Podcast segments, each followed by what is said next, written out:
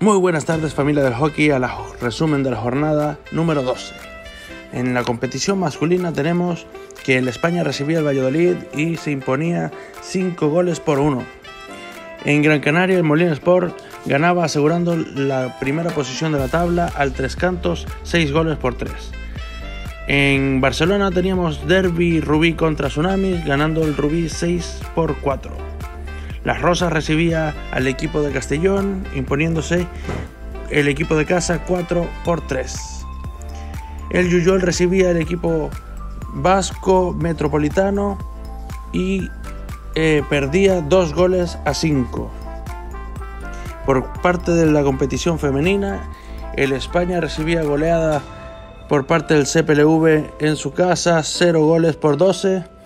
El derby femenino también catalán Rubí versus Tsunamis eh, terminaba 4 goles a 3 a favor del Rubí. Luego teníamos empate en el tiempo reglamentario entre el Tucans y Villarreal y gol de la eh, jugadora Carla en los penaltis favoreciendo a su equipo. Tenemos el gol cortesía de Vídeos Hockey Línea.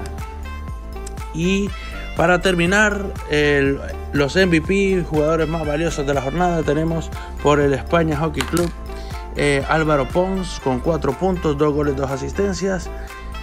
Y en la competición femenina tenemos a Carla del equipo Tucans que convertía ese penalti que le daba la victoria a su equipo. Y por parte de los porteros tenemos eh, Martín Antala, portero del España también eh, se llevaba el premio mejor portero de la jornada y en la competición femenina Andrea Sinovas López con un gran cero por parte del equipo CPLV.